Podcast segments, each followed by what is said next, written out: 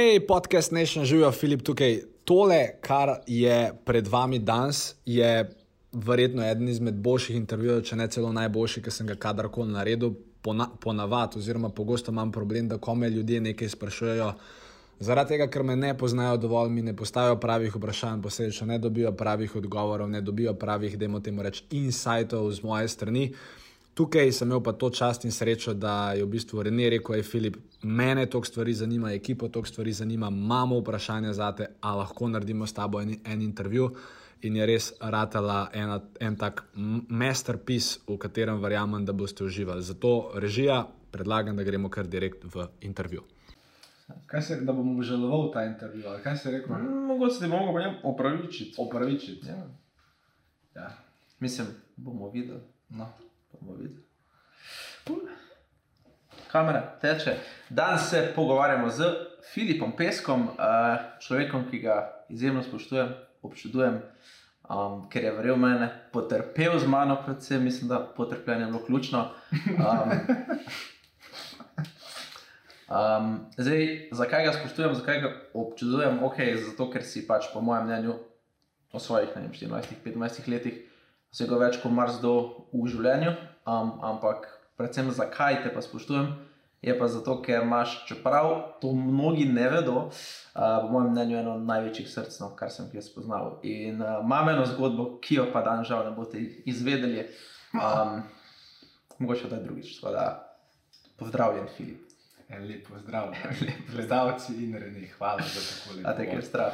Uh, ne, ne, ne, da se veselim v bistvu. Um, zato, ker, um, ne vem, pač, jaz imam težavo, ker zelo rad govorim, pa imam pa istočasno težavo, ker mi ljudje postavljajo relativno nesmiselno vprašanje, takrat, ko moram govoriti. Pa imam občutek, da imam toliko enih stvari, ki bi jih rad povedal če bi pač ta pravo vprašanje ob pravem času prišlo. In zdaj ta pritisk teh dobrih vprašanj prelagam na te in upam, da boš. Ta vprašanja, jaz, jaz, sem šel, jaz sem prav razmišljal, kaj so stvari, ko bi jih rad. Mislim, ko sem si vedno želel, ali pa ko sem daj razmišljal, da bi te vprašal, pa nisem mogel. Mhm. Zaradi tega, se veš, ko smo začeli delati dve leti nazaj, si na neki drugi re, rela, re, relaciji nisva se poznala. In pač ti nisem mogel marsikaj vprašati. Ne? Zdaj pa pač tu dela, da ti tako ne moreš nič druga vprašati, tako da ko za delo in do tega sploh ne prijema. Tako da sem, sem vesel. Um, Dejma začeti z, ja, na začetku. Ne? Kaj bi se Filip Pesek sebe opisal kot otrok? To, to, to bi rečel na začetek. Ja. Oh, Jezus Kristus. Um, kot otrok Uh, sem bil vesel, pa športno aktiven. Sigurno. Zdaj sem povem, koliko otroka, kaj govorimo, 6-7 let ali bolj v osnovnošolskem šoli. 6-7, bolj, bolj tako res zgodne. Zgodne, torej 6-7, ja, mislim, da čama sem se zelo rad igral, ljubezni sem imel dosti, nisem imel kakšne zgodbe o blazno težkem otroštvu, sicer res, da sta moja starša potem nista več živela skupaj, ampak Ja, načeloma uh, sem bil takrat srečen in, in, in sem skakal v krog. In, ja. Sem bil pa ne vem, zelo, zelo, pač, ker sem bil edinc, ne, jaz mislim, mislim sigurno, pač, ker zdaj gledam nazaj, vem, da sem bil malo razvajen. Um, pa nekaj vrste samotar, že od začetka. Mislim, mm. mogoče se to bolj pred 10, 11, 12 letih pokazalo, ampak zelo neke svoje fore. Samotar, ker uh, ti nekako ni bilo udobno družbe, ker si, ker si nekako na drug način že takrat mogoče razmišljal, ko, ko, ko resnici. Ta, ta druga varianta. Jaz se spomnim takrat, ko sem bil star, ne vem, 12 ali 13 let, pač mi smo se preselili takrat iz Vodic vodice tam nad Ljubljano, potem repne. Repne so pa pač vas v občini vodice, oziroma z mami so se tam preselili, takrat, ko smo šli na razen. In pač tam so bili, ne, mati je bila funa navdušena, olej, veš, ko smo se mi preselili, pa so vsi ti vaški fanti yeah. Ja. prišli pač ali tam pomagati, ali pogledati, kdo se zdaj vsele, to so bili pač oni na nekih mopedih, pa tam um, pa tret. Jaz sem videl, da je rekel, kaj je fajn, boš imel družbo. Jaz sem rekel, Zdaj, pust, me, jaz sem bil pač tam na računalniku, pač v 10-11, okay, takrat sem bolj igral igrice, pa kakšne bedarije delal. Pa sem počasi začel brati neke knjige, neke stvari, ampak ne, pa pred 12-13 sem pa začel raziskovati stvari, ki so me takrat zanimale. Spomnim se, da sem enkrat med poslal nek 500-stranski PDF v body language, pa mi ga je tam na RTV-ju, nekaj se nisem hotel plačati doma za barvo, oziroma sem, pač sem bil tako škrten. Mi je pa na sprinta le in sem začel raziskovati stvari in nekako nisem, ne vem. Torej, tisto, kar si rekel, nekako nisem se počutil, kot da hočem gledati tiste stvari, kot ostali. Um, in ja, to je to. Zdaj, imel si, imel si eno unikatno situacijo, ki, ki, ki jo nima vsak, zdaj si imel. Ne, pač um, odraščal si z medijsko prepoznavno mamo. Ja. In me zanima, kako si ti kot otrok to dojemal. Ali si to dojemal kot neke vrste breme, z katerega si želel, da ga ne bi bilo, ali neke vrste pozitiven pritisk, da tudi tebi uspe čim prej kaj iz sebe narediti. Dobro vprašanje. Uh, načama uh, je tako, da ok, tako si star 6, 7, 8, 9, 10, mislim, ok, da pa- pač nekaj časa to ne dojameš, pa začneš to dojemati. Uh, kako sem jaz na to, potem, ko sem začel racionalizirati vse stvari, načama breme, breme ni bilo, vsaj v tej začetni fazi, nikoli. Zdaj, da bi hotel nekako ne, iz nek, enega ego stališča biti bolj pomemben od mame, ne, ker ne, z mamo sem imel tako odnos, da je načela ona, ker sem bil edince skozi rinila vame in sem tako, tako imel dosti njene pozornosti. Pač, če ona zdaj to gleda, pač preveč sem imel njene pozornosti in pa sem se v bistvu začel distancirati, ker je bilo te pozornosti preveč. Uh, ampak ne vem, pa pa, kar naprej, uh, mislim, kar me je obremenjevalo, mogoče malo naprej je to, da sem se vedno bal narediti kakšno pizdarijo. Ne? Tudi mi danes, kakšne videe snemamo, ne? pa ko imaš ti kakšno idejo, ja, bi mi ne vem, tam začeli neki denar trgati, pa rezati, pa nekam metati. Spravi, mislim, vse le lahko, ne, sam. Um, Pač ja, dej, dejstvo je, da, da vseeno, da ima reči neka širša javnost, oziroma nočem narediti nekajšnega sranja. Uh, jaz še vedno pač hočem uspeti po svoje, mislim, uspeti po svoje, itak nam že ratuje, pa še več ne bo. Uh, ni pa, mislim, je pa pač dejstvo, da Slovenija je tako majhna, da mislim, škoda bi se mi zdelo, da je ona zdaj nekako očrnjena zaradi nečesa, kar bi jaz naredil.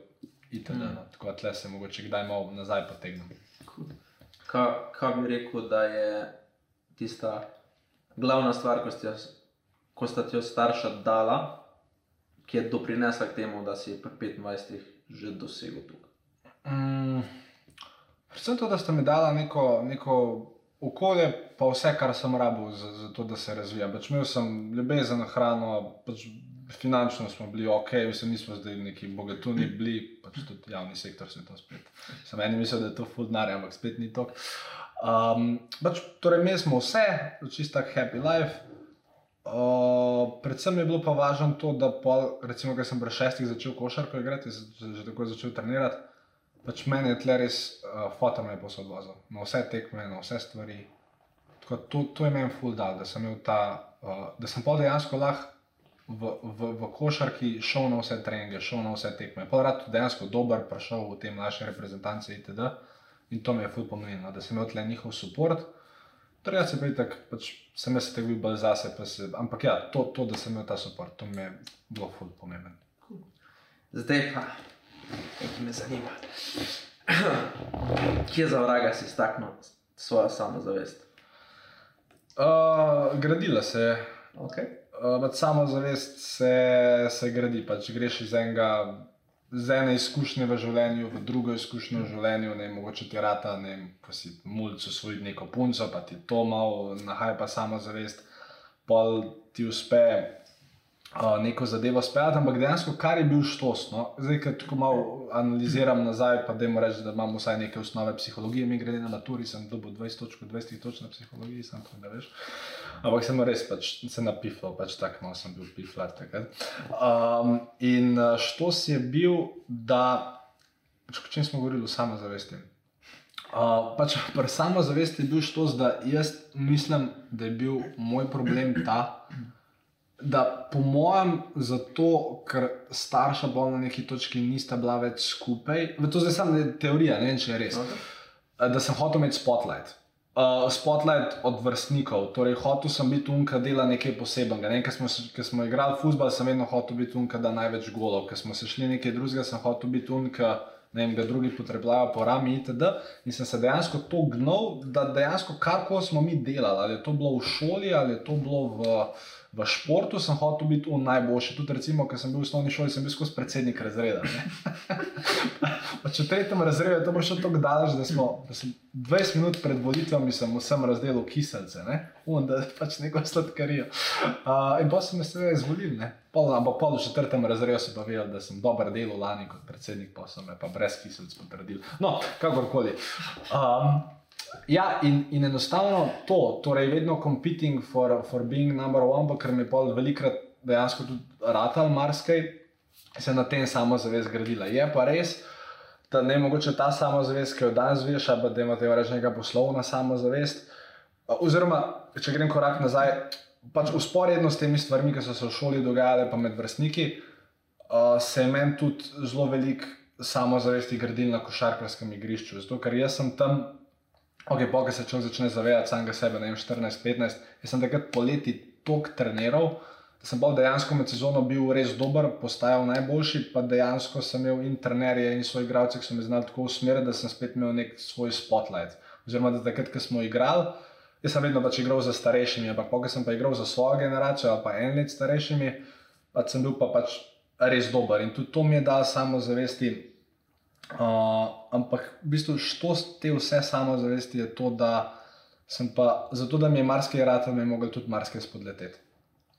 In, in pač teh failerjev je veliko. ne. Recimo danes ljudje vidijo, da sem jaz tekoč v tem, ne vem, pač, ki govorim, ne, kar koli. Pa, da- pa, da znam- pa, pa da znam nekoga v nekaj prepričati. Sam em jaz, vedno, ko smo imeli delavnico uh, v javnem nastopanju, kaj je že to bilo. Jaz veš, sem vedno pokazal na začetku posnetek z moje valete. ne. Uh, pač, ker sem, ker sem pač vodil valeto in, sem se- in sem se tako tresel. Pač, ne, in tudi mislim, ne, ne samo pri javnem nastopanju, pri vseh stvareh, ne tudi pri marketingu, vse sem ti pokazal, ne moje prve oglase. So bili pač žalostni, ampak ja, na tem, torej, torej enostavno hočeš pač postati številka ena, na poti do tega narediš veliko neuspehov. Pa se ne vem, nekako nekak zgradijo stvari, oziroma vsaj meni so se, je pa še veliko, verjetno nekih manjših stvari, do kjer bo prišla, ampak um, pač sam pushing, pa pa getting up when you fail, simple, mislim. Mm. Ja. Zdaj, Kaj, kaj je v bistvu mene pri tebi vedno fasciniralo, je, pa te nisem nikoli sprašal, pa to je tudi težko paziti. Ne? Ampak imaš, po mojem, ful zanimiv self-talk, pač tak feeling imam. Ne? In imam zdaj tle štiri situacije, Mm. pa bi rad, da mi poveš, jaz ti bom dal situacijo, ti mi pa povej, kaj si v tistem trenutku govoriš v, v, Ok, v mislih. cool, Okay? Ampak tako non-filter, Da, je v redu. Ok. Ja.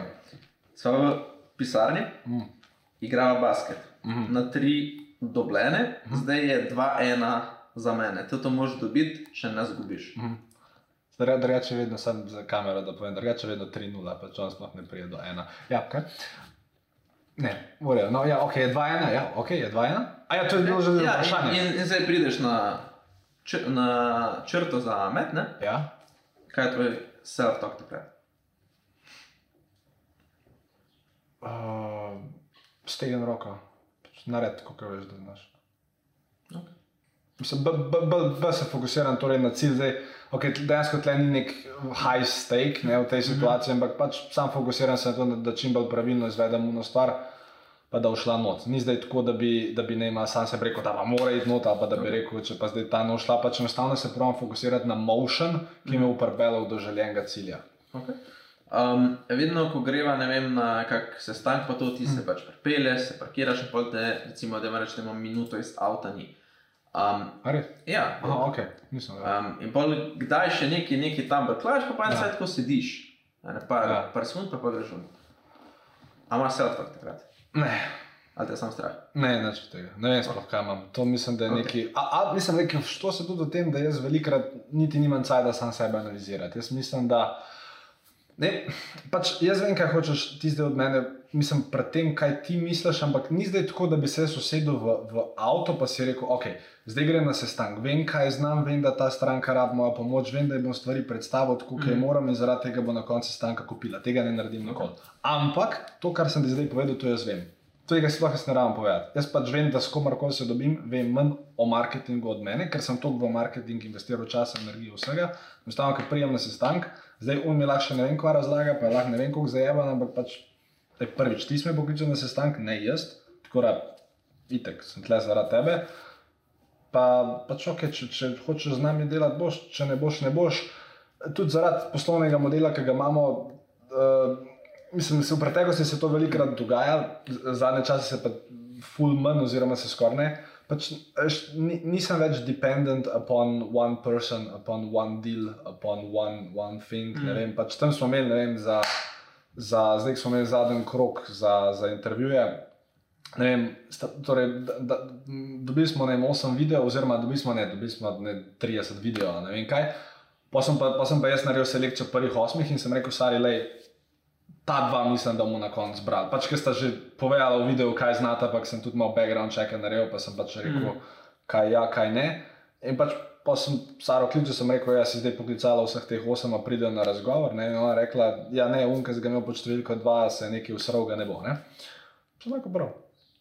Mislim, k- k- kaj se čem zdaj, se gre? Mislim, ljudi je dosti na svetu, ki Ja. bi radi z nami delali, za- Tako da to, to, mi, uh, to mi je fulkul. Ampak ja, torej, ker sem jaz v avtu, pač kar veš, da se ponad dogaja, je posebej, če grem iz ene aktivnosti na drugo, mogoče kar naredim v avtu, takrat je, da zaprem oči. Pa petkrat globoko vdihnem, sem zato, da se mi puls umiri, da sem lahko čim bolj mm. bistr med sestankom. Uh, to je pa to, no. Ni, ni pa tako, da bi šel zdaj v nek self-talk, pa ti si najboljši, ti moraš to, ti, oh, hop. Ne, ne rabim. Mislim pa, če ne delam, vsaj da bi vedel. Uh, zjutraj se ostaneš, Mhm. pa se ti ne lup nič. Res je, nič. Kaj narediš? Uh, Vstanem se.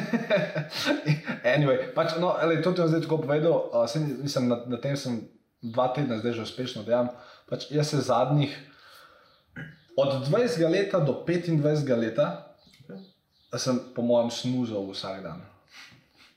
Torej, bila budilka, snuz. Snuz, pa sem še ene 21 minut snuzal. A, včasih eno uro, včasih dve, odvisen pač kako se je odvil. Vse bog sem se vstal, sem se vstal, ampak sem snuzal. In je začel, in zdaj so me recimo začele, ker jaz še vedno ne, ok, ti zdaj pač, ok, kako si lahko tako samozavesten. Jaz sem na 30% tega, kar bi lahko bil. Pač jaz imam vidika- z potencijala vsega. Jaz imam še toliko enih untapped things, v kjer lahko grem, da ulala. Ne? Um, in, in so me začeli te stvari motiti. Torej, pač samozavest je zgrajena na obljubah, ki jih daš sam sebi, pa temu, da se teh obljub držiš. In pol marsikdo, ki je brihten, pa ki je veliko stvari v lifeu naredil, ti je povedal, da se samozavest iz enega področja prenaša na drugo področje. Oziroma, da če ti, uh, ne vem, če ti doma nimaš stvari pošlihtanih, tako kot jih moraš imeti, se bo to vsaj za nijanso pozna, poznalo v tvojem poslovnem svetu. A pa če ne vem, si 10 kg predebel, pa veš, da ne bi smel biti, to pač ti poznalo na samozavesti drge. In so me take malenkosti, kot je recimo nezbujanje ob budilki. Me je to začelo tako motiti, da pač zdaj sem si dejansko sestavil nek challenge, dejansko po tvojem vzoru, pa po Renatovem vzoru. In zdaj pač dva tedna je že ok, ampak sem pač mogel res se mentalno sestaviti. Mislim, bomo videli, bomo pa če bo še naslednje to snimala, bom, bom, bom, uh, bom javil, če se je šlo. Ampak ja, torej, ker se zjutraj zbudim, uh, ok, budilka, uh, ok, voda, uh, kaj sem že na flaško zraven sebe. Oreo. In pol, uh, in pol enostavno, kar probam narediti, nekje v prvih štirih minutah, pač da, da ker najprej, ko se zbudiš, voda. Uh, mislim, ni zdaj tako, da bi se zbudil, pa da bi bil, haha, gremo nov dan. Ne, pač počasi se zbudim, malo me kog boli, malo me on. Malo sem zmatran in pa pač se odvlečem, ni zdaj tako, da bi jaz odhodil v kopalnico, ne se odvlečem, kjer do kopalnice, um, pač, pa čez, dan, čez noč se nabere, par tekočini, moraš da ven. In, uh, in potem si probam nekje v prvih petih minutah dneva reči, da tole bo pa res en lep dan. A, oziroma, tole je pa en res lep dan. To, to si probam prav tako reči, pa takrat se tudi malo bolj tako postavim, ne zdaj v- tako, ampak malo bolj tako se reče, tole pa en res lep dan. Uh, pa pa itak, ne vem, dokler se premakneš po skopalnice, pa se oblečeš, to za prve tri minute gre. Jaz ne vem čisto točno, kaj takrat razmišljam, mm. ampak pravim si ta stavek v prvih treh minutah reči, pa pa itak grem, ali grem Odvisno spet od dneva, ali grem takoj na jajca, ali, ali se pač takoj oblečem, pa nekam grem, ali grem takoj cilje pisati. Ni zdaj čisto točno definiran, kdaj v nekem, oziroma včasih je bilo zdaj v tej fazi, ni, ampak ja, uh, tako da je kakšna posebna misel. Ne, je, je pa zanimivo, včasih se zbudim z neko mislijo, kar neka X, Y detajl od neke stranke, včasih se zbudim z neko idejo zase, včasih se zbudim, pa se obremenjujem z vremenom, včasih se zbudim, pa me zara zbudi, pa sem pojtek, če živčen, pa tako. Oh, cool. uh, ena izmed stvari, ko smo bili zdaj pred tem mindsetu, ne, Mm. ko me je pri tebi vedno fasciniralo, je to, da le, večina ljudi, ker recimo ti si splošno raz- razgledan, si pameten 20 točk od 20 na, na, Pe- pe- na maturi. Štiri leta odličen v gimnaziji. Tako. to. Uh, pač taki ljudje, ker sem jaz med njimi, a ne sem bil, nisem bil vedno. E, fakt se jaz nisem, sem to videl. Ja, ok, mislim, povej. ne, Ja. Uh, ne, imamo pač velike probleme s overthinkanjem. Mhm.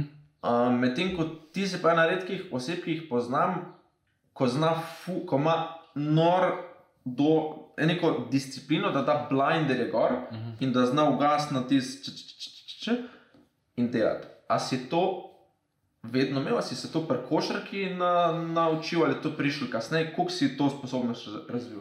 Kar košarka odgovor. Ja. Uh, pač, ker tam je treba sprejemati zelo hitre odločitve.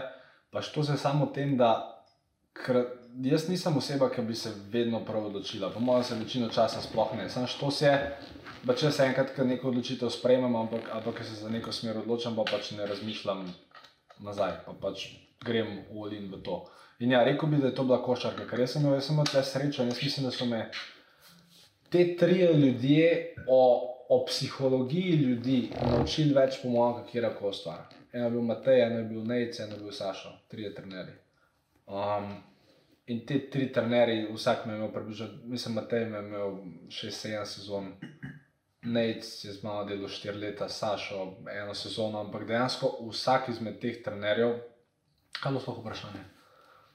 Kako si razvil sposobnost, da daš blinder? Aha, da, dam, da, dam, da, da, da ne overtikam. Vsak, vsak izmed teh me je, ne samo, da predvsem nece veliko naredijo. Uh, ne samo, da so me razvijali kot igralca, ampak so me razvijali tudi kot, kot osebo, torej tudi kot mene, kot vodjo, kot kako naj jaz komuniciram z drugimi ljudmi.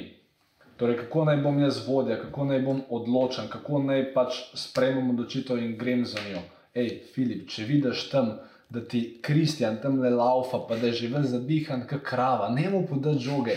Pač, da, da znaš v, v hitrem času akumulirati tudi enih detajlov, sprejeti odločitev in to je to. E, torej, to je, to je en, en del, mi je tle košarka zelo veliko pomagala, pa pa seveda tudi, ker delaš na sebi, si, si vedno bolj sposoben, pa vedno več informacij imaš, pa hitreje sprejmeš odločitev. Ampak druga stvar uh, je pa dejansko ta, da sem, uh, kako naj zdaj to rečem, ne, bila je še ena druga stvar, ki sem jo hotel reči, ampak mi je šla, okay, mi je šla iz glave. Overthinking je bilo vprašanje.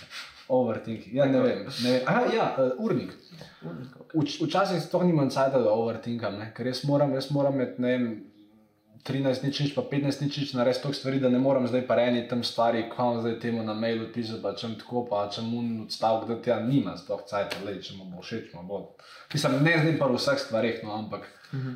ene stvari, ki zahtevajo hitre odločitve, pač ratejo hitre in nimam niti cajt za overthinking. Ja. A imaš feeling, da si imel ful srečo, da si dobil te tri trenerje, ali imaš feeling, da ne vem, da recimo, ker si kot igraš basket, pa recimo okolici Ljubljane poznaš okoliške klube, veš približno, koliko se dela kje. A, a so imeli drugi, recimo, prijatelji tvoji podobne izkušnje s trenerji, ali je to fluno, ali hit, ali mis? Ja, što se, što se o tem, uh, da okay, tega, tega nisem nikoli razlagal, ampak sem jaz bil star, um, ne, mislim, ne mislim, da bo iz 14 na 15, torej takrat karataš kadet. Okay. Torej, oziroma, ki igraš, kad- kadet si dve sezoni, eno si pri 14, pa zdaj pa pri 15 še enkrat kadet. In jaz sem bil v, mi smo igrali prvo ligo, kadetsko, jaz sem takrat igral v Komendi, normalno klub, dejansko kljub temu, da je pač Komenda, da je realno neko selo, smo bili full dobri, ne vem, od 32 klubov smo bili na koncu deseti v državi ali deveti, pač v redu, res dobro se dela z mladimi. In, in v uni sezoni sem jaz, ne vem, v prvem delu sezone bil pač najboljši igralec v celi ligi, pri en let starejši generaciji.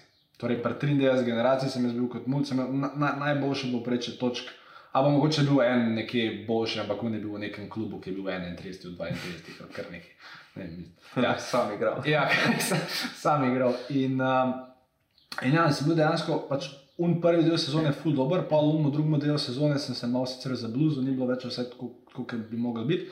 In pol je bilo, in pol je bil, in pa pač po sezoni, za štiri trenerje prišli do mene. Jaz sem takrat bil v komendi in dejansko, fora je bila, jaz sem mladince hodil še vedno igrati v komendi, ker smo spet bili top 9 v državi in je čist bila super ekipa, pa gorejo trener.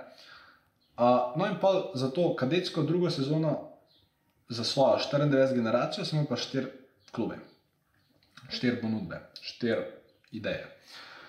In v bistvu je pristopila do, mislim, pristopila do mene, se takrat ne gre več prek tebe, da si 14 let mojster, ker Ja, ne ja. kontaktirajo, fotra pač nikoga.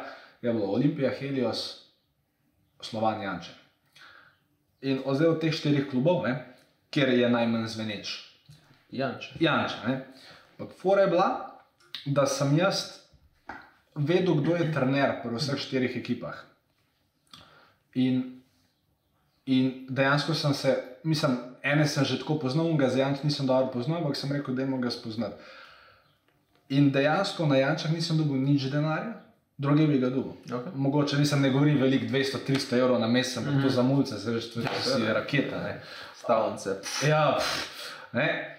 Ampak jaz dejansko takrat nisem šel za nekim glamorjem, pa nekim kao, nek kvazi denarjem, ampak jaz sem šel takrat na Janče, ker je bilo na Jančah znanje in ker sem jaz hotel delati z trenerjem Sašotom, zato ker sem vedel, da me lahko ene stvari nauči, ki me jih v tisti točki ni mogel niti Matej, ne Luka, ki je bil trener v Olimpiji, ne Dejan, ki je bil trener v. Uh, Heliosu in mi tudi Saša dejansko predstavlja vizijo, kako bi on mene razvijal čez cel let. Mi je to bilo všeč, sem videl, da se je poglobil, vedel sem, da me pač tam hoče. In sem takrat šel na Janče. In potem dve leti kasneje, je se, smo se spet pogovarjali o posoji za zadnjo mladinsko sezono, sem jaz pristopil do Nejca, sem rekel, Nejc, zdaj pa, ker z Nejcem sem pa že delal v, okviru gimnazije Šentvic, sem rekel, Nejc, uh, zdaj pa jaz, mislim, ker sem vedel, kaj zna, sem rekel, Nejc, jaz sem pripravljen prijeti zdaj zadnjo sezono na Slovan, rad bi delal s tabo ker sem dejansko vedel, da se od vsega lahko lah nekaj naučim. Tako da jaz sem bil vedno un, ki je pač šel za znanjem, pa ki se je hotel razvijati. Kako je zdaj to odgovor na tvoje vprašanje, ne vem, ampak mislim, da nekako. Da ne Je. gre. Uh, Kjer izmed teh eh, trenerjev ti je pa izdal skrivnost za rozine? Za rozine Slavko. Je Slavko je bil pa kondicijski trener, oziroma kondicijski trener na Šentvidu. Um, ja, je pa mi zelo skrivno za rozine, ki jo bomo morda nekoč Morda nekje razkrili. Ja, tako je. Ja, ekipa jo morda izve že danes. Tako. Morda. Um, ko smo blagih pri trenerjih, pri mentorjih, pri znanju, um, tvoj verjetno, bi tudi sam tako rekel, največji mentor je Grant Cardone. Ja, poslovno, ja. Ja, mislim, poslovno, ja, seveda. ja. Uh, da mi povej, mislim, kar, kar je meni spet le fa, fascinantno, je tvoja, uh, tvoje prepričanje, ki mu tudi slediš, da okay, imaš enega, pa poslušaš vse od njega, pa probaš 95% ponotranji tega, kar ti eden govori, pa se ne. Da ne poslušaš sedem mentorjev in vsakega nekaj, nekaj vzame. Ja, mislim, uh, uh, po fazah je šlo. Okay. Ne, mislim, ampak tren, nekaj, Trenutno, trenutno, ja, trenutno, ja. N- n- Nekje si tle. Um, kjer jaz recimo nisem, ker, ker jaz, jaz se pojih upičim, pol v tiste, ne, s tem se ne strinjam, s tem se ne strinjam, ne, je pa to. Um, da mi je samo nek miselni proces, Grand Cardone, recimo, ti ga poslušaš, ful, ful ti je dal prodajno in, Ja. tako ne. Ja. In pol je par stvari, ko jih pove, Mm. Pa na prvo žogo se z njimi ne strinjaš, kak Mhm. miselni proces se te tle vključi. Ja, traja. Ne? Pač najprej je, najprej je zanikanje tega, pol je vsi možni izgovori, kako nekdo nekaj nima prav, pol, pol prespiš, pol prespiš 16 krat. Ne samo čemer je pač Grant res dober, je to, da on, ki ima enkrat nek point, ki ti ga hoče predstaviti. Bo to 16 krat povedal, ne? in pol, kaj ene 16 slišiš, mm. si mogoče reči še pismo, mogoče ima pa, mogoče ima pa prav. Ne se pa probaš, vidiš. Zaš- Ampak to, to je nek miselni proces, oziroma jaz pač predvsem tako gledam ne, in to me tle, to me tle pač mot pri v bistvu komarkoli, skoraj, ki je v personal development svetu. Ne? Ker ti, če si v personal development svetu, pa imaš nekoga, kamo kao zaupaš, ja, dej pa mu zaupaj. Pa se ne zdaj sprašuješ, ali je to, kar mi je on povedal, res ali ni res, ali whatever. Ja, če si, si njega zbral, zato da bo tvoj mm. mentor ali kdo, pa ga pač poslušaj. Ker pri njemu očitno stvari funkcionirajo. A si to kje prebral ali si čist empirično Uh, prišel do tega spoznanja? Ne vem. Pač to, se, to se o tem, da sem pač jaz tudi šel ful na širok. Pač, tle vse je šlo o tem, da okay, Granta res je več poslušam, pa pač na največ njegovih izobraževanj sem šel. Sam jaz površinsko, kjerkoli avtoriteto, skoraj kjerkoli avtoriteto, ki mi še rekel, vem. Mm. Ne, tudi prodajno. Jaz sem gledal in od Belforda stvari, sem ne vem. Slovenskih predavateljev poslušal sem sam veliko prodajal, sem tam probo nekaj pognuti, sem bral stare knjige od Tresja. Površinsko poznamo vse prodajne sisteme ali pa marketinško, poznamo vse marketinške teorije. In što se pa samo o tem, da ker jaz ne bi Cardona dobro razumel, če ne bi ostalih vsaj malo površinsko potipal, zato ker se ti pol ene stvari začnejo povezati. Pa dejansko pač veliko stvari, ki jih danes delam, pač ni, ni to zdaj spet vse ali pa večina od Cardona, ker jaz sem od ostalih toliko teh, teh detajlov pobr- pobral in jih združil v nek tak super Philip Figure. Mm. Zdaj ta super Philip Figure je pa freaking beast, ne? ta pa zdaj šteka, ta pa, Skromen. ta, ta pa lahko ta pa lah, ne, na, naredi vse, ne, lah, mislim, pač naredi vse. Se pravi, načeloma tvoj nasvet le bi vsem bil, da nekdo proba več, Ja. da najde unga, s katerim vibe in pol, Ja. tistega gre pa pol. na- ki gre olin, pa nič ni narobe, ne, ker zdaj ne, jaz, vsi vemo, da so knjige koristne. Ne. In Zdaj, če se nekdo zbere mene za mentorja, jaz zaenkrat sem že sam eno knjigo javno napisal, pa eno tako, ki je pač šla v neki limited edition ven. Je kot zdaj 52, ne, 4 leta zapora, bral ne dve moje knjige, ne boš, ne pač vzameš ostale. Še sam- po Lexus, recimo. prodal. Ja, lahko greš. ne. A, ampak, um, ampak ja, tle je fajn, je, da pač pridobivaš tudi znanje, ampak ne, ne smete pa to. Ne smete pa to potegniti preveč noter, ali pa da greš pa tam v globino, ker globina osebe A se v ponavadi šla v skriž z globino osebe B. Mhm. In pa boš v konfliktu. Un ti prav, v redu je delati na LP, un ti prav, ni v redu je delati na LP, pa imaš pa še tretjo stvar, ki je pa tvoje lastno prepričanje, ki Bog vedi, kje je bilo zgrajen, ki imaš pa neko svoje prepričanje, da v bistvu sploh ni dobro, če govoriš z ljudmi in da je bolj, da si doma v kleti zaprti. Bo si v trojnem konfliktu in pa v bistvu. Ne samo, da, da ne veš, kaj moraš narediti, ampak cajt pa energijo zgubljaš, zato da uravnavaš ta konflikt med sabo. Zato se mi pač tle zdi zelo fajn, da pač najdeš enega, greš tam. Um, čeprav ne se konc koncev, če tako mi je pogledala, ne, ker, ker um, veš, saj v- vsak gre čez neke faze. Ne, Ja. ker jaz tudi nisem. Mi smo pač razvili svoje stvari, prnem, vse to veš, ne, se pač pa marketingu, vse poznamo, vse smo malo, malo smo pogledali, Branson, malo smo pogledali, Krna, Krna smo malo več pogledali, malo smo kakšno stvar zvedeli od teh ta starih, pa smo pa predvsem dali stvari v prakso, pa najdeš tisto, kar deluje, ker pa mislim, vsa teorija, ali zdaj od Američanov, Švedov, Norvežanov ali Bosancov, pač na neki točki jo moraš dati v prakso in boš tam največ stvari zvedel za tisto stvar, ki jo, ki jo delaš.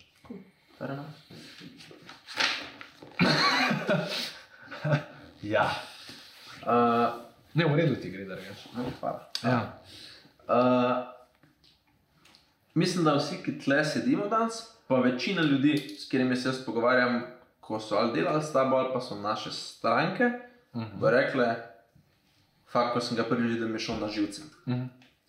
Zakaj misliš, da pride do tega? Mislim, za, z, zakaj misliš, da je tak proces? Zakaj se to zgodi? Ja, ha. De, delno, delno, delno zato, ker sem pač dal ljudem razlog, da jim pač grem na živce. Jaz, jaz verjamem, da če me kdo videl leta 2016, 2017, prvi polovici 2018, da mogoče pač je bila res kakšna stvar, ki nisem, mislim. S katero se danes ne strinjam več, pa mogoče samo moj pristop, pa cel vse stvari, ki smo jih mi zganjali na social, mogoče ni bil pravi. In vsem tem, ki sem šel v onom obdobju na živce, super. Ne? Uh, ampak vsem tem, ki grem pa zdaj na živce, je pa predvsem pač šlo s tem, da, da Slovenci in vsi ljudje po celem svetu nimajo nikoli radi show-offa, nimajo nikoli rad, radi nekoga, ki je samozavesten, nimajo nikoli radi nekoga, ki se meče ven.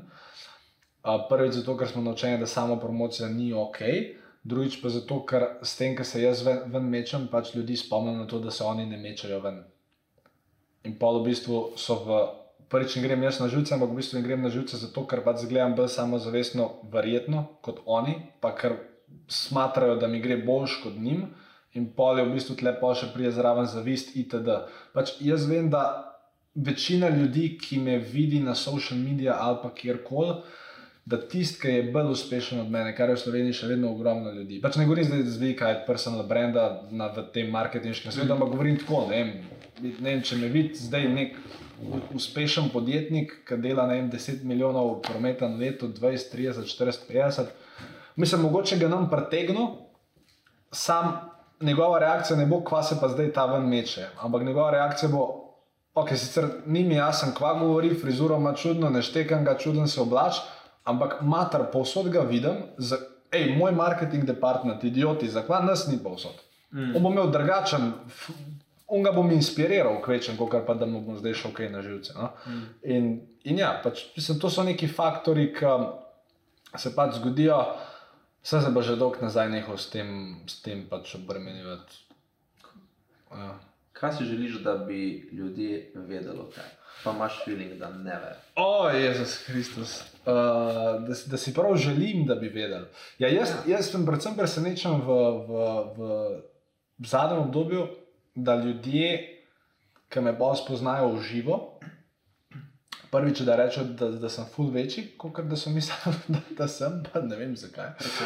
Okay, ja, no, kakorkoli. Uh, druga stvar je pa tako, ne vem, kje sem v, pa to načela ti veš, jaz sem ful preprost v osnovi. In jaz mislim, da skozi to persono, kar sem še vedno jaz prek kamere, ne, ampak prek kamere moraš vseeno malo drugače komunicirati, da sploh te kdo gleda, da ne, nekoga pretegneš.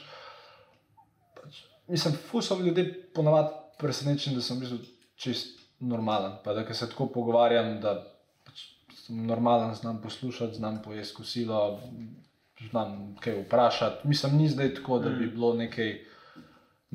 Ker mogoče dajem vtis, da sem full, ne vem, ne vem, pa nek, nek, mislim, nek superhuman, sam nisem. Jaz imam toliko enih stvari, ki jih moram jaz popraviti, toliko enih zadev, ki v mojem lifeu mogoče niso optimalne, toliko enih stvari, kjer lahko jaz napredujem. Predvsem to, no, da sem pač človek, tako kot vsi ostali. razlika med mano in nekom, ki mogoče še ni tukaj, kot jaz, je pač samo v tem, da jaz veliko delam, da se veliko učim, da veliko investiram, da dejansko jemljem kot podjetnik ful enih rizikov, ki jih mogoče ne bi rabo delati, pa ki jih večina ljudi odsvetuje. In- In pač samo v tem je štos. Pa da pač enostavno, ker se jaz nekaj odločim, pa ne, ker smo pač začeli postavljati celo marketinško agencijo, pač mislim na strukturiran, na strukturiran način, pa vse skupaj. Pač jaz, jaz grem, jaz res pušnem ven, jaz pač res naredim karkoli treba, zato da se, da se stvar spele. Ne vem, to, to mogoče. Zdaj, glede na to, na vse, kar si dosegel, Ja. bi načeloma lahko imel marsikero igračko na vzven. Pa vse, ne vem, a veš, ne vem, pač to, da recimo to, to je meni ful pomembno in zakaj jaz tukaj rad pač delam s, s tabo, je to, ker jaz imel nikoli občutka, ne glede na to, koliko se pojavljaš, da bi se hotel ful ven letati. ne. In a veš, ne vem, ko sem jaz videl, ne vem, ko smo začela delati, si mi dal dostop do Drive, ne? Jaz sem jaz videl, da si, si ti si, si, si kupil ne vem, avto, ki je bil takrat star 7 ali pa 8 let. Ne? Ja. Bo bi si lahko kupil dosti boljši avto, pa vzel enega na leasing za ne, Ja. ne vem kak. Ne? Zakaj? Um, ja, zdaj, od- to je dobro iskreno odgovor. Okay. Um, če bi mi delali 10 milijonov evrov prometa na leto, pa če bi smo full enega keša, s katerim ne vem, kva bi naredil, bi si verjetno kupil boljši avto. Okay. Mislim, mislim že za- zaradi udobja vožnje, ne zato, da bi se zdaj ven metal, ampak zaradi udobja vožnje, ker vseeno pač nekaj pa naredim na let z avtom, čeprav spet ni tako velik. Uh, zdaj, druga stvar je pa ta, da jaz pač okay, avto načeloma rabiš od točke. Mislim, hotel sem vseeno imeti znamko, vzel sem pač Audi, zato ker se mi zdaj fajn, da pač vse nekaj imam, da se na sestank pripeljam, da nisem bil v Fiat Punto tu. Uh, ampak uh, Ja, enostavno pač to so tem, da če dam jaz v tej fazi, jaz sem še vedno v tej fazi. Jaz sem, ta isti avto imam še vedno, mm. zdaj pač že 9 let. star, te se. Um, če jaz zdaj zapravim denar na avto, to je isti denar, ki ga jaz lahko dam v podjetje. Ne? In ker ljudje, pač te, ne, mame moje, pa babice, pa kolegi, ne, kaj bo s penzijo? Ja, super. Pe, kot podjetnik je penzija tvoje podjetje. Zdaj, ali ga dobro pač nared, pa ga prodaj, pa boš iz unga dobil svojo penzijo, nekako, a boš pa pol ta denar nekam investiral, ali ga pač tako dobro zgrad, da se lahko posledično od njega umakneš, pa dobivaš neke ne, čokoladice vsak mesec od njih ali whatever. In to, ne, in jaz dejansko ves svoj kapital, ki ga imam, to mi naste fuz za mer, da če imam dolgo gledati ta intervju. Pač, da je vzam se kaj denarja, vas podjetja, ne bom, zakaj ne? Ja. Ker trenutno nimam potrebe, glih, mislim, nujne potrebe, da bi nekaj rabil. Ne rabim, tudi hiše, stanovanja, ne vem, nečesa. Urejeno, na neki točki sem mu verjetno nekaj kupil. Ne? Ampak Srčno up. Ja, ampak um, zdaj v tej fazi, ki podjetje raste, ta denar bom dal v podjetje, zato ker verjamem v to, kar delam, verjamem v to, kar delamo. In bi se mi zdela ful škora, da zdaj ta denar, ki bi lahko šel nazaj v biznis, ki pač res lahko, pač, mislim, ki pač bo postal milijonsko, več milijonsko podjetje, se mi res zdi škora, da bi to dal v nekaj, kar se ni nujno zelo. No. Da nisem, ne, tudi ta, u, že, to je Jack Leman ura, to je 140 evrov, pa že tri leta ista. Pač to ni, to ni neka, neka stvar, mislim, ma, imam tok, da je. Tudi, to- da- danes sem pozabil, sem čevlje, zato imam te najkice. Pač jaz dejansko full red hodim v najkicah, ampak vse tudi ne vem, čevlje, pa vse te, mislim, imam tok, da zgleda, ampak zdaj što se v tem, ker jaz ne rabim več in to je full lover. Mi smo se dejansko pripeljali v pozicijo, smo prišli v pozicijo, kjer, kjer kdorkoli hoče z nami delati, hoče on delati. In jaz zato, da ta biznis sklenem, lahko grem tak na sestank. Mi noben ne bo zameril. Čeli si dan sicer druge, ampak tak grem na sestank mm. brez problema. Um, še kakšno v bistvu slabšo majico, ki je ta, ta je bila samo za ta intervju kupljena, da je res taka neka odmena, ne? stala je 19 evrov. Um, uh, ampak ja, ni, nima več, mislim, zato ker zdaj dejansko že to vem, pa tako demo temu reči, vibriram, oddajam energije, uh, da pač ljudi prepričam s tem. Ne rab noben videti mm, Bentleya od mene, pa nekih zglancenih čevljev. Ne rab. Mislim, tiska pa rab, to pa ok, pač se bram, ne bo delo, v redu, next, dosti ljudi čaka na nas. Ena izmed stvari, odkar delamo skupaj, ki se je spremenila, ena res, res zelo velika stvar, ne, Ja, je Nastja. Vmes si dobil punco, Mm. mm. zaročil, zdaj se boš poročil. mm. Um, da mi povej, po tvojem mnenju, kako si se spremenil, odkar si z njo? Pozitivno in negativno. To misliš jaz ali kar, kar ljudje opazijo, da sem se spremenil? To- Oboje. A, oboje. Okay, zdaj, kar, kar ljudje opazijo, je, je vseeno, da tisti nek, mislim, da mogoče ne, ne probam več biti tako superhuman, kot sem bil včasih. To, to mi marsikdo reče, hej, nastete pa malo prizemljila, malo si rado bolj človeški. Ok, mogoče, ampak jaz se ne ukvarjam toliko s tem, kaj drugi pravijo. Mm. Ampak zdaj, predvsem, če izhajam iz sebe, uh, je pač to, da uh, meni ful pomeni, da imam to uh, svoje življenje pač s kom deliti. ne. In, in obratno, da lahko ona svoje življenje uh, deli z mano, ker ne vem, če jih namen človeštva, da nekdo pač umre sam, mislim, umre sam, pač celo življenje preživi sam. Uh, tako da jaz sem rad definitivno bolj, uh, bolj da mu rečem, uh, kako ne to, pač srečen. Ni- Nimam, nimam, nimam druge besede. Pač srečen, srečen. Sre, pa bo, bo, bolj se počutim zato, ker je, ker je enostavno. Um, mislim, kar jaz sem vedno iskal pri pr, pr partnerju oziroma partnerci, je to, da se v bistvu. Da se ne čuti inferior, inferiornost z nobene strani. Jaz sicer res, da nas je trenutno dela več prometa, kot jaz, pač to je razlog, zato, ker že 7 let zapored investiral malinca, mi pa vsake pol leta imeli kakšno drugo idejo v preteklosti. Uh, ampak, uh, oziroma na koncu koncev, ja, mislim, da dosti manj časa ima podjetje, pa starejše od mene. ne. Uh, mislim, to je res, da ona trudno dela več denarja od mene, ampak, ampak tako, mi dva kot sogovornika sva ekvivalent. Jaz si ne mislim, da je ona butasta, ona se ne misli, vsaj upam, da sem jaz butast. Včasih mi se kakšne stvari sicer reče, da sem butast, ampak tako. Ljubkovalno. Ja, da, da sva, ne vem, včasih malo jezno, malo vrvi tako skupaj. Um, uh, ampak ja, to, to, to mi je ful pomembno in, in, imam, in ona mi je dejansko, ona je nam kot firmi ful pomagala.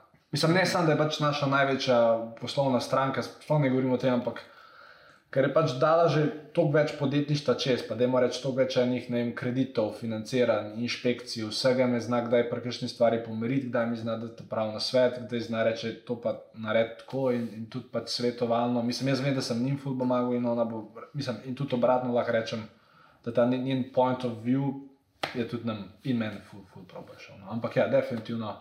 Srečen tako bolj, bolj polnega, zapolnjenega, smiselnega mm. se počutim. Ja. Ker sem pač mislil, da bom umrl sam po, po, po, po nekem času. Zato, ker sem si, ne si to sem, ali če, mislim, se, se, se tebi sem rekel, mislim, ti pač za seznam veš, ne? Ja, vem, ja. Ja, mislim, obstaja, ne vem, ampak pač jaz, ko sem si napisal un seznam, torej kakšno žensko hočem, oziroma kakšna ženska bi vrela basala z mano, ne, jaz, ko sem gledal une zahteve, pa ki jih imam pač nekje skrajne, si rečem, sem se takrat rekel, sem, jaz sem napisal tri strani teh zahtev, more, pazi, dve zahtevi, vmes. Gledala je vseh deset sezon Francov, pa bivša športnica, pa ne vem, visoka med tok, pa tok, pa um, pa tret, pa, pa tako podjetje ima, pa toliko sledilcev na Instagramu ima. In ko začneš kombinirati vse te stvari med sabo, si rečeš, pis, da pa kje ta ženska živi. In dejansko potem, pač, ker sem master spoznal, jaz sem po treh tednih, potem, ko sem se spoznala, šel čez ta seznam od ne vem. 42, mislim, pač, okay, e- eno je to, da je tako čutiš, ko je oseba prava, ne, ko je kemija, ampak tudi tako na, lo, na logični, zemeljski ravni, ker sem šel čez unih, ne vem, 48 zahtev, dveh ni imela. Pa eno od teh je bila to, da je France gledala 7 sezon na mestu 10 sezon. Tako da, ne, pač ta prava. Ja. A si imel kdaj, zdaj ti si star 25? Okay. Ja. A imaš zdaj občutek, zagotovo si ga imel, me zanima, če ga še imaš, da zamujaš neke določene aspekte v 20, ker si tu v poslu, pa to. Um, pač kaj te, mislim, kaj te krat naredi, ne ko se spomniš, mm. kaj te žene na, naprej, odkje je ta urgentnost izveda. Ja, kar malo ljudi ve, kar sem jaz imel srečo, je to, da dajmo reči neke vrste mladost. Mislim, jaz nikoli nisem bil žorer, nikoli nisem bil problematičen, nikoli nisem prišel mrtev pijan domov, nikoli nisem Bil pobruhal. samotar, bil si pifler, vse Ja, nisi pač imel ne, nikoli, nikoli nisem imel nekih, da bi v kore domov nosil ali whatever. Ampak mogoče malenkostna sreča, ki je bila, da je ta, da sem šel v 18. v Ameriko, kar, sem, kar je spet razlog, da sem šel lahko tja, je pač, ker so te, stari prvič rekli, da je, mislim, ker je fotor, da sem rekel, da je pet, pa zato, ker je bilo treba ne vem, nekaj še finančno doplačati, sta se zmet organizirala, pa sta. Ampak što si bil, da Dajmo reči, da od vseh mojih zadnjih 25 let je bilo uno leto v Kaliforniji najbolj žorersko. To ne pomeni, da si bil, ker res mislim, še vedno tam košarko igral. Ne? To ne pomeni, da si pač vsak dan bil zunaj, ampak vsak vikend smo lepo šli v ne ameriške igrice. Beer pong, rdeči kozarci, uno pim, pem, pum, pim, pem, pum in pa se un zaplete in piješ. Zdaj sem dejansko edinkrat v življenju, pač eh, je bila ena noč, ko sem šel predaleč, pa pač je bilo, kar je bilo. Uh, ampak, recimo, da ima reči nekih grobo, 20 žurerskih vikendov, ali pa 18 je takrat v enem letu bilo. In zdaj, ko gledam nazaj, ali pa vsakeč, ko se tega spomnim, pač mislim, kaj bom imel jaz od tega. Ki sem ok, napil se bom, imel sem fajn na tri ure, še dva dni me je glava bolela, imunski sistem se mi bo vmes sesul. Mislim, jaz mislim, da imam na, na tej zemlji, na tem svetu pač nek, nek višji namen. Jaz, jaz vem, koliko sem sposoben, ker pri meni je res kombinacija vseh stvari. Pač imam, imam filmski nasmešek, pač, ne vem, pač je, sem tudi veliko delal na njem, imam, imam neko karizmo, imam znanje. Imam, imam znanje od komunikacije ljudi do leadershipa, do ne vem, vsega, kar sem se prek košarke pa, pa šole, pa prodaje, pa prodajno znanje, ne, e, e, mislim, en let trg po Sloveniji, gor pa dol. Pač to so vse stvari, ki so se nekako združile v, to, v ta perfekten scenarij. In jaz bi se fucking za nič počutil, da bi vse to, ker, ker jaz vem, jaz lahko ustvarjam, mi lahko ustvarjamo v naslednjih štirih letih 100 delovnih mest. Pomeni, da 100 družin, ki zdaj ali nimajo službe, ali imajo slu, službo, v kateri se bejem počutijo, lahko dobijo službo, zaradi katerega bo cel svet lepši. Pač pa vem, da lahko tudi to, kar, kar so se mi pogovarjala, pač jaz vem, kakšen je marketing trenutno. V svetu in jaz dejansko mislim, da s tem, kar smo mi naredili, z tem našim stilom, v kombinaciji z nekim old vintage stilom, v kombinaciji z magnetnim marketingom, itd., da lahko s tem dejansko pač spremenimo cel pogled na marketing na boš. Ker če gre zdaj le 100 jožic na, na preširjeno trgu, vprašati, kaj pa vi mislite o prodajalcih, pa marketerjih, bodo tri rekle, o, to so v redu ljudje. 97 bo pa rekel, idioti, da bili. Uh, in kar jaz hočem reči, da ne vem.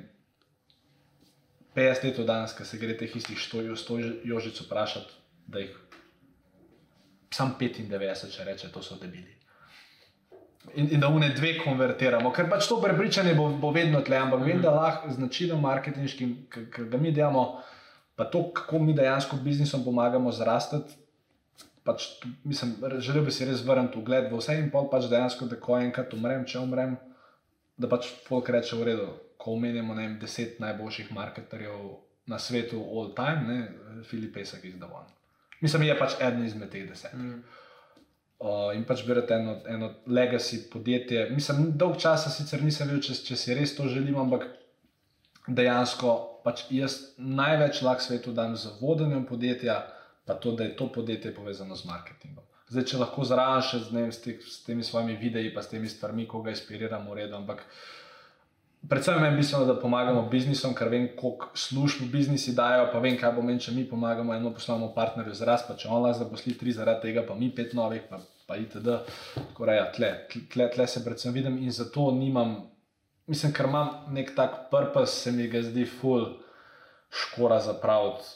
Uh, Na neki pijanici, da jim temu rečem. Uh, mislim, da tudi ne, imamo tudi neke druge stvari, ki jih lahko na dostnik delam, ampak gledaj, če mi pa še iti v kino, bom šel z nas v kino, urejo. Če mi pa še iti v McDonald's, bom šel v McDonald's.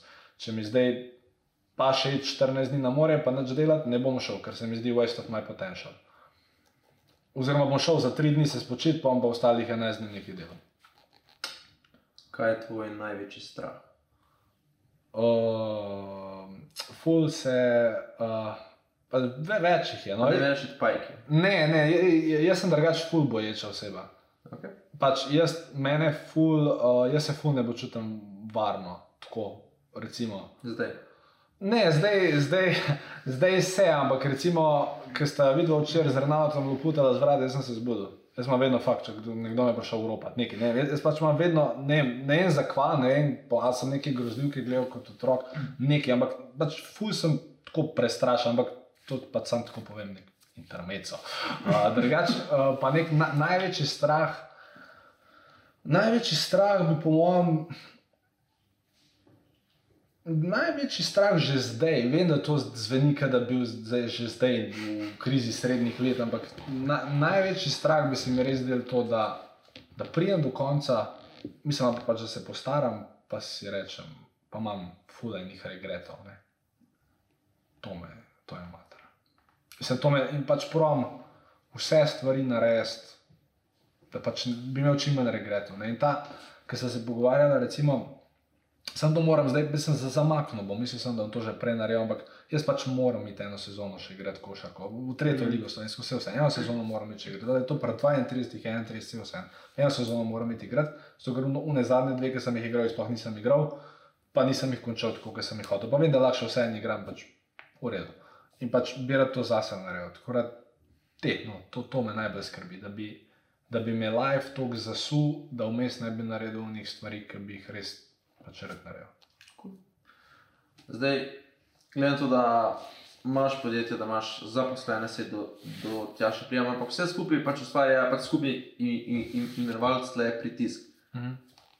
Kako naj da so notranji mir? Pač tako, kako si lahko ti gre, greš čez vse. Mhm ampak že vse. Ker ti si, recimo, ne, se pač veš, jaz, ko pride kakšna ta situacija, situacija pa čez gemuno.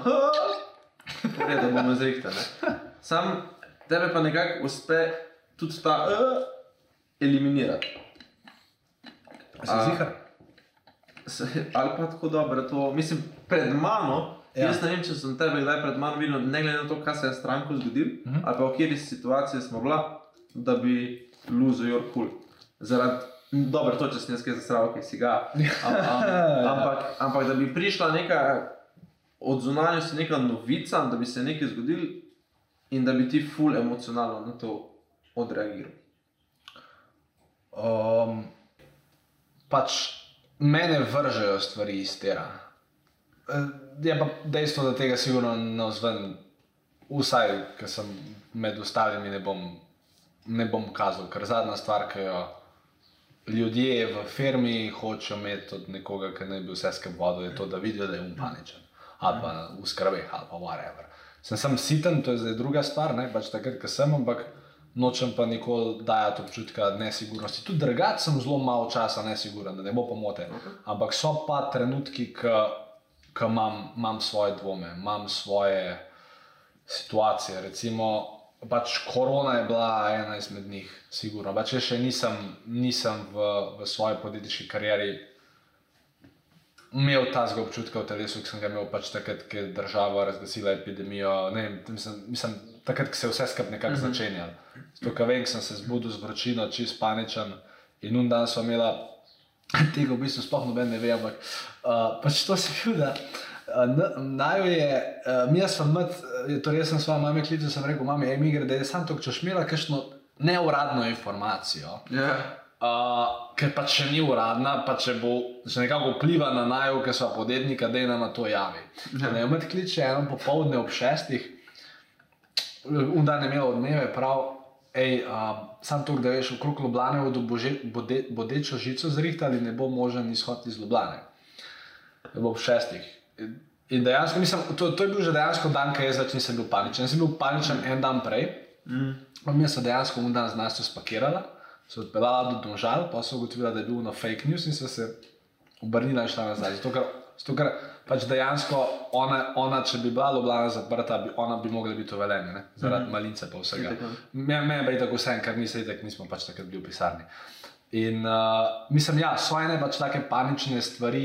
Mislim, to, to je bil res ekstrem. Jaz sem bil dan prej paničen, zato ker sem imel feeling, da se bo vsem poslovnim partnerjem zmešali in da bomo kar naenkrat v svoj residual oziroma mesečni prihodek izgubili.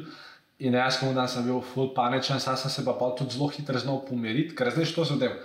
Pač je neka nesigurnost, ki je takrat bila v meni. Pač pa tudi pač to, to ni prijetno za mm. podjetnika. Mislim, to je, torej, imaš, imaš kapital, ki je nekje vezan na stvari, imaš ljudi, ki računajo na to, to so pač feelingi, ki jih zelo težko razumeš, če pač nis, ne, nisi tam. In što se je, da okay, jaz sem pač jutro zbudil z neke vrste paniko. Ampak, ok, pač sem bil paničen, ampak pa je treba nekaj narediti. Kar za nas pač dan naredil, je, da sem vseh 20 poslovnih partnerjev, ali ne vem, koliko smo jih takrat imeli, vseh 20 poslovnih partnerjev poklical, sem se z njimi pogovoril. Sem jih jaz probo pomeriti, so mi oni povedali, kaj jih matra, smo malo spremili marketinške akcije, v redu. Bolj čez en teden, mislim, ker se je pač ta začetna epidemija še dogajala, sem jih spet poklical in sem pač dejansko za akcijo rešil tisto svojo nesigurnost. In tudi drugače, če sem kadarkoli nesiguren, če karkoli, probam iti čim prej v akcijo in se čim manj zadržati v moji glavi, ker jaz vem, da največji. Ne vem, Napoleon Hill je to govoril v Unu, Outwitting the Devil, ali kaj je imel. Največji, da ima temu reči, nevarnost za človeške možgane je, je dolg čas. Možgani ne znajo biti sami s sabo predolg časa. Lahko so določen čas, nek počitnice, vse to, ampak se tudi na počitnicah, kaj se zgodi. Jaz ne vidim nobenega, ki 12 ur leže na plaži, pa nič delo. Ne, folk igra nek badminton, da se da žarijo tam nekaj, pač nekaj delajo, zato da se glava zamot, ker če se glava ne zamot, se ni. Problem je samo v tem, da v 90%, če ima glava čas o nečem razmišljati, bo razmišljala v negativo. Pa oddelala katastrofo iz katastrofe, iz katastrofe v katastrofo. In tle je samo, tle je pač samo fajn, da se vedno, vedno, ko se kakšna nesigurnost pomeni, zgodi, jo probam čim prej nek pattern interrupt narediti z aktivnostjo.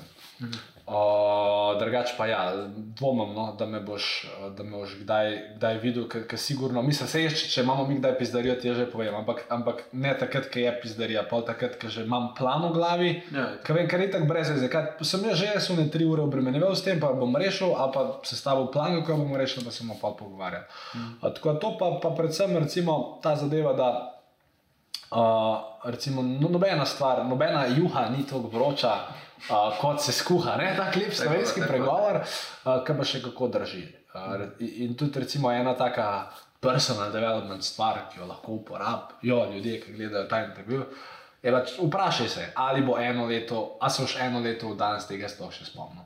Ker večina stresnih situacij, ki nastane, je pač nek, nek um, ko se reče, inconvenience, ki pač takrat rata, ampak ker ni neka stvar, ki bi na big scaleu ne, na nekaj vplivala. Zdaj, druga stvar je, če te pač avto povoz, pa te pelje, mislim, to pač je nek problem, ne, ampak vse ostalo, mislim, marsikatera druga stvar je pa menedžer. In tle se pač s tem, s tem stresom, s temi pritiski.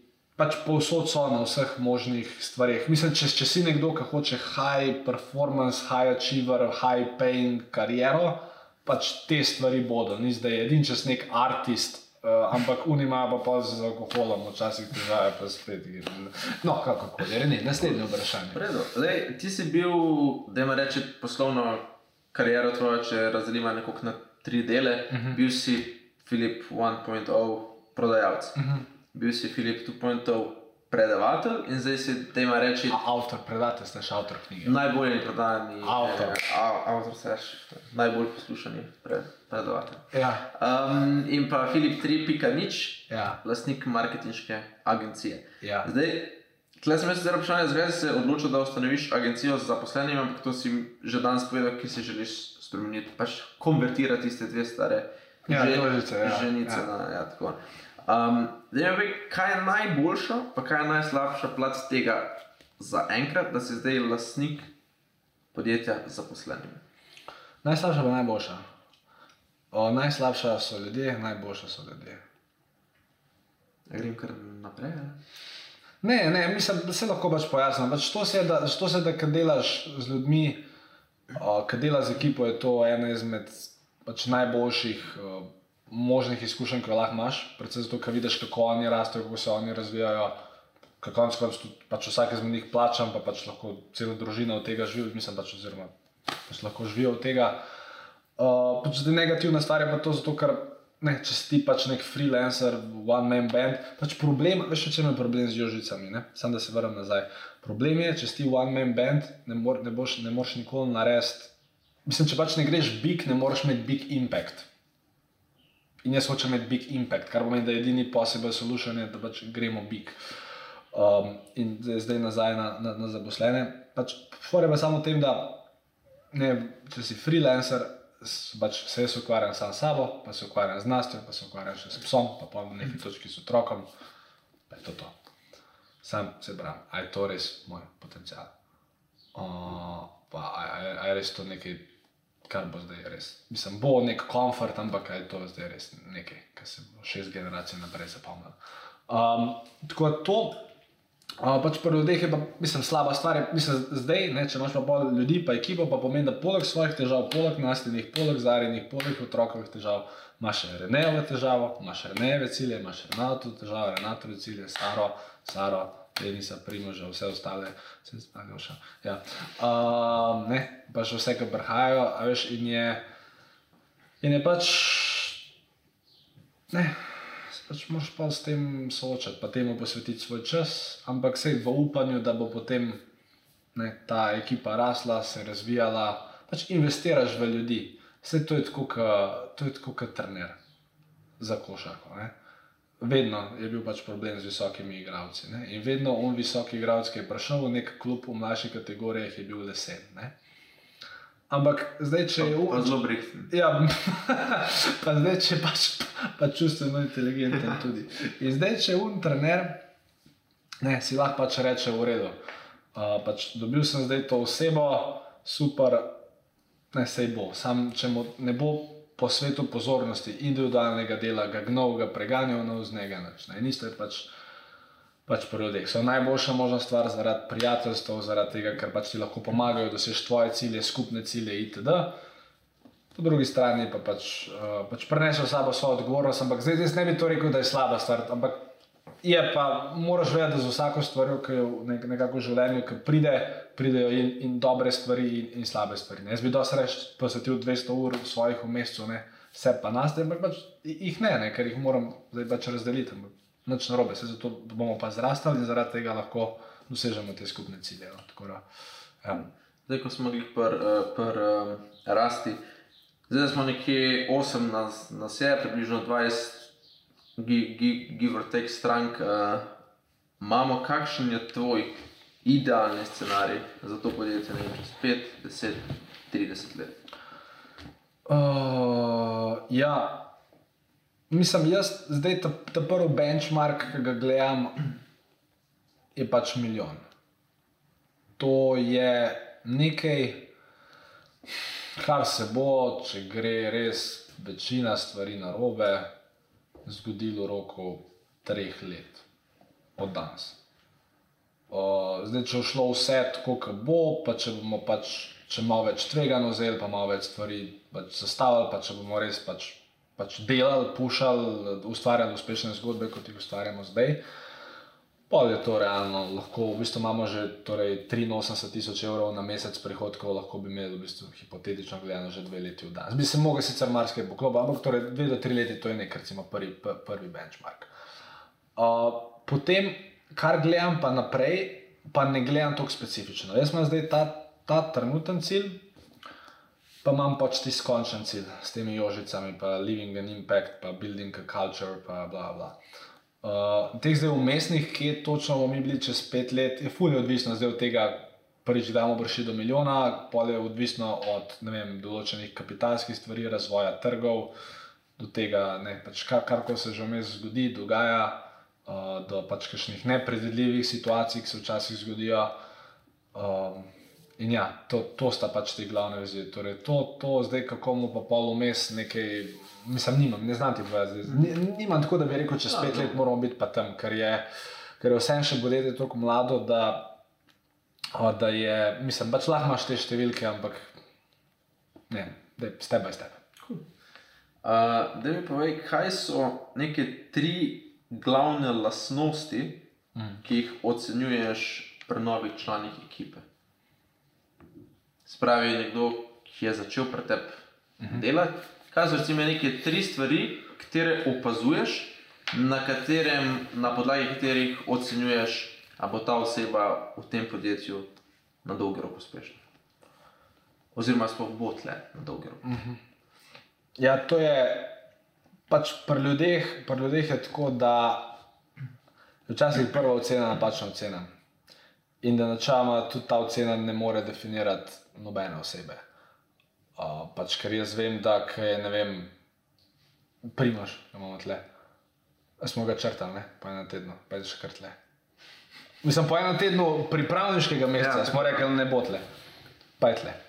Ker, ker imaš, mislim, pač se, stvari se ne, spremenijo, obrnejo, pa kdo preseneti, kdo razočara. Ampak načeloma, če bi mogel reči tri take stvari, tako da lahko vsaj približno ugibaš. Mhm uh, vsaj zdaj v tej fazi, ampak spet mogoče odvisno, kaj ta oseba v podjetju dela. Ampak zdaj prva stvar je ta, da ta oseba pač more. Jaz se moram vedeti, da vibrira na moji valovni. Torej, da ima, da ima nek respekt do tega, kar dela, do tega, kar sem, da ve, kaj smo. Mi nikoli nismo še vzeli nekoga, ki ne ve, kdo smo, pa da bi mm -hmm. nekoga headhuntali. Vsi so se k nam prijavili, kako hočejo delati z mano. Torej, to je osnova. Uh, potem druga stvar je pač, da so pripravljeni pač delati. Da so, mislim, da so pač, pač vse na koncu prejmo do tega. Pač, da, da so pripravljeni narediti stvari, ki se jih zmerno narediti, da pač, če treba stisniti, pa se ne vem, kakšno soboto nekaj narediti, pa se kaj naučiti, pa ne vem, poslušati podcaste, poslušati stvari, delati. Ker mu rečem, prepiši zdaj to, kar si napisal, kar je slabo, prepiši na roko. Jaz tega nikoli ne preverjam. Ne. Sam pač se hitro vidiš, če oseba to naredila ali ne. Uh, tako da, pač, ja, da, je, pač, da, da se žene, uh, da je pač pripravljen delati, pa predvsem, da ima, da ima, da ima zase neko vizijo. Ne. Um, torej, torej, torej, da prije sem, pa da ve, zakaj je tukaj, pa da se pač od- odloča, da tukaj bom investiral bom svoj čas, energijo v to podjetje, vem, zakaj hočem se učiti od Filipa, rad bi pač zaslužil, rad bi vem, prevzel posamezno odgovornost v tem podjetju. itd. Tako da, predvsem mindset. No? Jaz bi tle, tle ful, ful je šlo, da bi lahko govoril, da rab copywriting, ker ga rab, ne? pa da rab ne vem kaj, ampak na koncu prije do, prije do mindseta. Ne? Ker jaz, ka, ne vem, um, ne, Renato je tak naš lep primer. Uh, jaz vedno, ko mu rečem, da je kaj, rečem, Renato, to je spet slabo si to zdaj naredil, več se to, sem mislil, da boš boš naredil. On to vzame kot challenge. On bo reče, "Ej, en dan sem sam raziskal te fucking bulete, zdaj lej, sem že spisal bulete, že delam bulete. Ne, ker on to tako, tako razume, ker ne vzame tega osebno, ker ve, da pač, mislim, pač zaupa moje presoje, ve, da če se rečem, da je slabo, da je verjetno res slabo, ali pa da ni optimalno. Uh, In ja, tle pač jaz mislim, da se ne, da m, prije, prije do majceta, ker vse, vse se da razviti. Se ti tudi veš, da marsikaj nisi znal. Mislim, si, si imel si že ta prave nastavke, ki si prišel, ampak ne vseh teh stvari, recimo. En stvar, ki je mene ful skrbela, pri tebi je bila, ok, a bo zdaj ta fan znal s kom kaj ko skomunicirati, ne? ker pač generalno ne maraš glih ljudi, pa, pa, pa pač ne govoriš glih rad z ljudmi. Uh, ampak ne sem te bolj vrgel v vodo, pa zato, ker si imel ta pravi mindset, si se bolj to naučil. Pa si delal na sebi, pa si zrihtal zadeve, pa pač zdaj vem, da ja, sem jaz z nekom, nekim poslovnim partnerjem na telefonu, a se ti, vem, da se je na koncu čisto isto zmenilo, oziroma da bo pač vse vse se je ok išlo. In ja, te, te neke manjše stvari. Zdaj, če pa govorimo o skillu, je pa predvsem, predvsem, predvsem um, ok, copywriting je pri nas res pomemben, ker pač večina se vrti okrog tega, ker tudi ok, če zdaj govorimo o videih, nekdo pač mora imeti prodajni smisel, mora vedeti, kako pattern interrupti potekajo, mora vedeti ne, vse te zadeve. Tako, kar se pa, da mora reči, enega dejanskega znanja tiče, mm -hmm. no, so pa te, so pa te, te marketinške osnove. Meni je vseeno, nekdo zna landing sestavljati, to se lahko vsak nauči. Sam ta smisel, mm. da šteka ljudi, da, je, da, da pač imam, pa predvsem, no, da ima glavo na mestu. Cool. Uh, imam, imam eno vprašanje, Uh, um, ki, šoker, um, ki bi ga lahko dal, po mojem, na landing, mislim, odgovor, katerega bi lahko dal na landing za filipesip.com slash karijera. Um, mi smo imeli zdaj, ne vem, Vse to veš, da boš ti mogel narediti, če treba. Ja, bom, bom. Imeli smo, ne vem, tri, štiri razpise smo imeli. Dajmo reči, da se je 80 ljudi prijavili. tako vse skupaj, ja, da, da smo že videli enih prijav. ne. Ja. Pa smo videli, da, mislim, pač kaj smo. O istih zebe razmišljala. Tako bom rekel. Um, kaj bi svetoval tistim, ki se bodo v prihodnosti prijavljali na delo s tabo? Uh, da pač ne se res obražajo, če hočejo pač to. Ne? Pač, a je zdaj to nek burning desire, da tle delajo, ali ja, ok, bom mogoče šel tle, nekaj sem naučil, pomitek neki.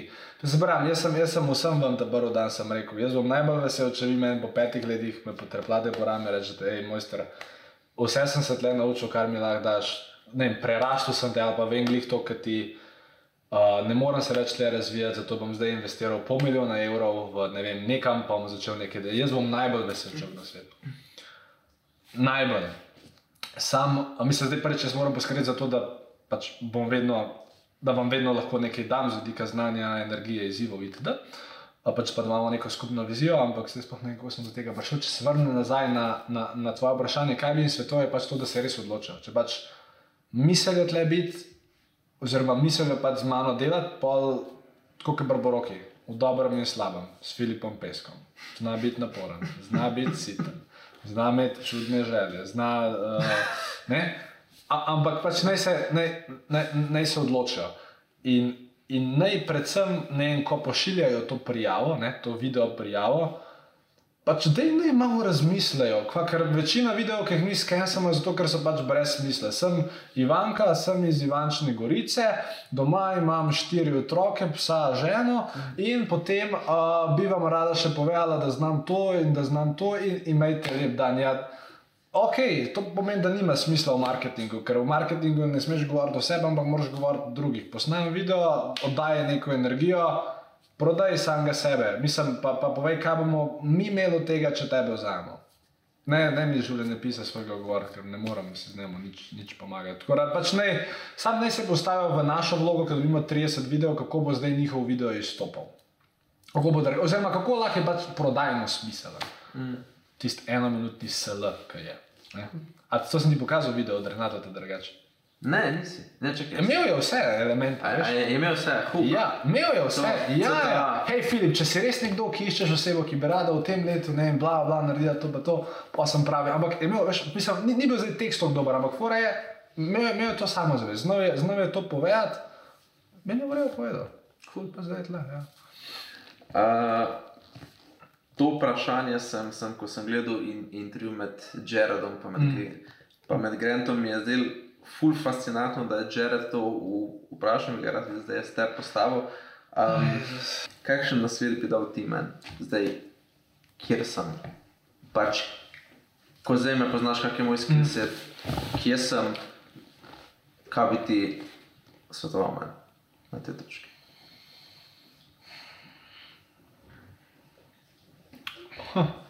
Na to vprašanje se pa nisem pripravil, niti ga nisem pričakoval. Ker ne tebi bi lahko dal toliko enih na svetu. toliko enih stvari imaš še za pripraviti. Uh, ja, hm, vidiš, pa dobro vprašanje. Jaz mislim, da bi bilo fajn, če bi, če bi bil če bi se začel zavedati, da si tudi ti nekje na 20-30 postov. Ker jaz mislim, da imaš včasih občutek, pa kar dejansko fulveš, ne me dobro razumeti. Ampak imam feeling, da ful podcenjuješ to, česa vse si še zmožen. In da če začel tako razmišljati, da boš pol nekih novih dimenzij znotraj sebe odkril. Mislim, da se, ko se temu reče, selling yourself short. To bi rekel. Ja. No, zdaj pa da tole prebijemo. nekaj. Uh, ja. Mislim, am, Ne, mi, ne, mislim, je, vse je smiselno. Mislim, je, je res. Je res. ne, to ne pomeni, da boš prišel jutri do mene, da brati več denarja. To ne pomeni to. Ampak jutri ne delajo, če ne delajo to narediti. ampak ne, ne, govorim, se se veš, kaj, kaj mislim, Ja, mislim, ja, vem. skillov, vsega. Ja, okay. Cool. Uh, smo pri koncu. Okay. Uh, imam par rapid fire O. vprašanj. Zdaj se bom vprašal vprašanje, ti probi čim hitreje najti odgovor na njega. Okay? Ja, Uh, nikoli nisem bil. Kaj, če bi lahko. Če bi lahko bil na kjer koli tekmi v živo, vseh ča, časov, na kjer bi bil, da bi lahko gledal, da bi bil tisti trenutek živo. No? Mm, Miami proti Dallasu, Game 6, mislim, da je bilo leta 2-4, ker sta Wade pa Shaquille Dallas premagala. Cool. Okay. Uh, tvoj prvi celebrity crush. No, ne, no, um, Kristina Aguilera. Okay. Uh, ena pesem, kot te pam papa za delo, da greš hasla. A ti like collapse. Okay. Ena pesem, ko ti pove, da je pa čas za parti. Um, uh, pa ne, se taj kar uh, kjerkoli od Bobana. okay. Eno osnovsko bi jo spremenil na nasti. Ena snost, ki bi jo spremenila na nasti. Aha. Ha. To sem pa že enkrat povedal. To, mislim, to, eh, to je, bo, rapid fire, mislim, bo točno ono, kar hočem reči, bi rad v prave besede, da ker rečem, imel doma težave. Um, ena lastnost ima stari, gre se za take nijanse, ni zdaj glih, ne vem, sem ka ne. Uh, dej pet naprej, pa me pa še enkrat vprašaj. No, sem- Rap, rapid fire. Ja, pač Dej, se dej, če- Eno gusten. Uh, ja, pa se če pa to je problem, ker ne znamo besede, ker točno vem, kaj bi rad povedal, ampak um, včasih, včasih imam pač slabo preklapla ona. O- Ona si, ona si, ona si, pa ker meni je ful hudo, da si to naredi, ona si ful včasih uh, včasih se ne zna odklopiti. Oziroma, včasih jo matrajo te sviči med, med delom. Pa med, pa če, bo, če ona lahko to v svoje glave pogruntala, bi dobila z isto, isto energijo, ki ima zdaj, bi dobila nek, nek mir. Neke stvari, pač to, to je recimo ena stvar, ali gremo kar naprej. Torej, druga stvar, druga stvar, nek sem se še nekaj božjega spomnil. Druga stvar je pa ta, da pač ona ima, ona ima tipično foro, vse mogoče bom tudi jaz zdaj do nje prišel, ampak ona zdaj, ne vem, veš, ima konflikt. Ima. Ona hoče istočasno hoče z malince narediti bum, istočasno gre pa na živce, ker mora to delati. Mm -hmm. In pol je spet ujeta v konfliktu. In pač tle, tle na tem bi se dal delati. No, ampak ampak ni, ni pa tako zdaj neke lastnosti, ki je pač super. Cool. Rapid fire. E, fajn. Uh, opiši sebe v treh besedah. Uh, lep, simpatičen. In... ne, ja, pa to imam na All Access platformi, mislim, lep in simpatičen bojevnik, uh, le, uh, lep, simpatičen, um, pa inteligenten. Okay. Kaj želiš, da bi te opisala ekipa v treh besedah? Uh, lep, simpatičen, inteligenten. Ime Ne, ne, a ja, ne, ne, ne, ekipa, a ja, sem, mislil, ne, pardon, se pravičujem.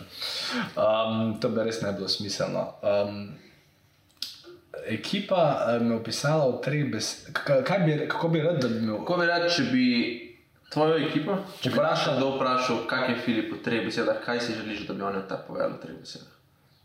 Um, da se lahko na njega zanesem, da je. Um, pač, da zna voditi stvari, pa da. Kaj bo še ena stvar? Da je simpatičen. Ime za prvega otroka.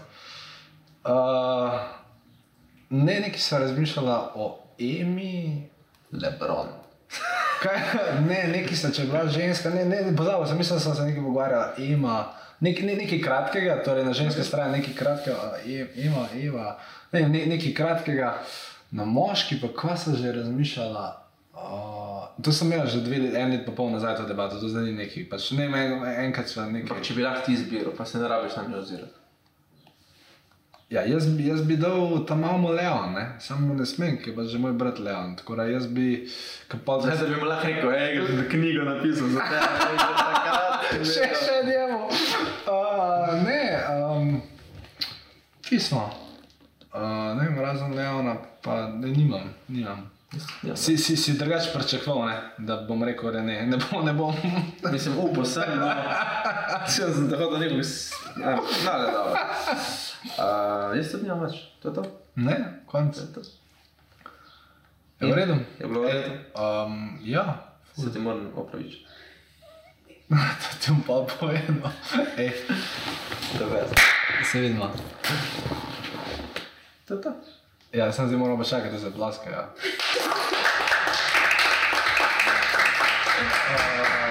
Uh,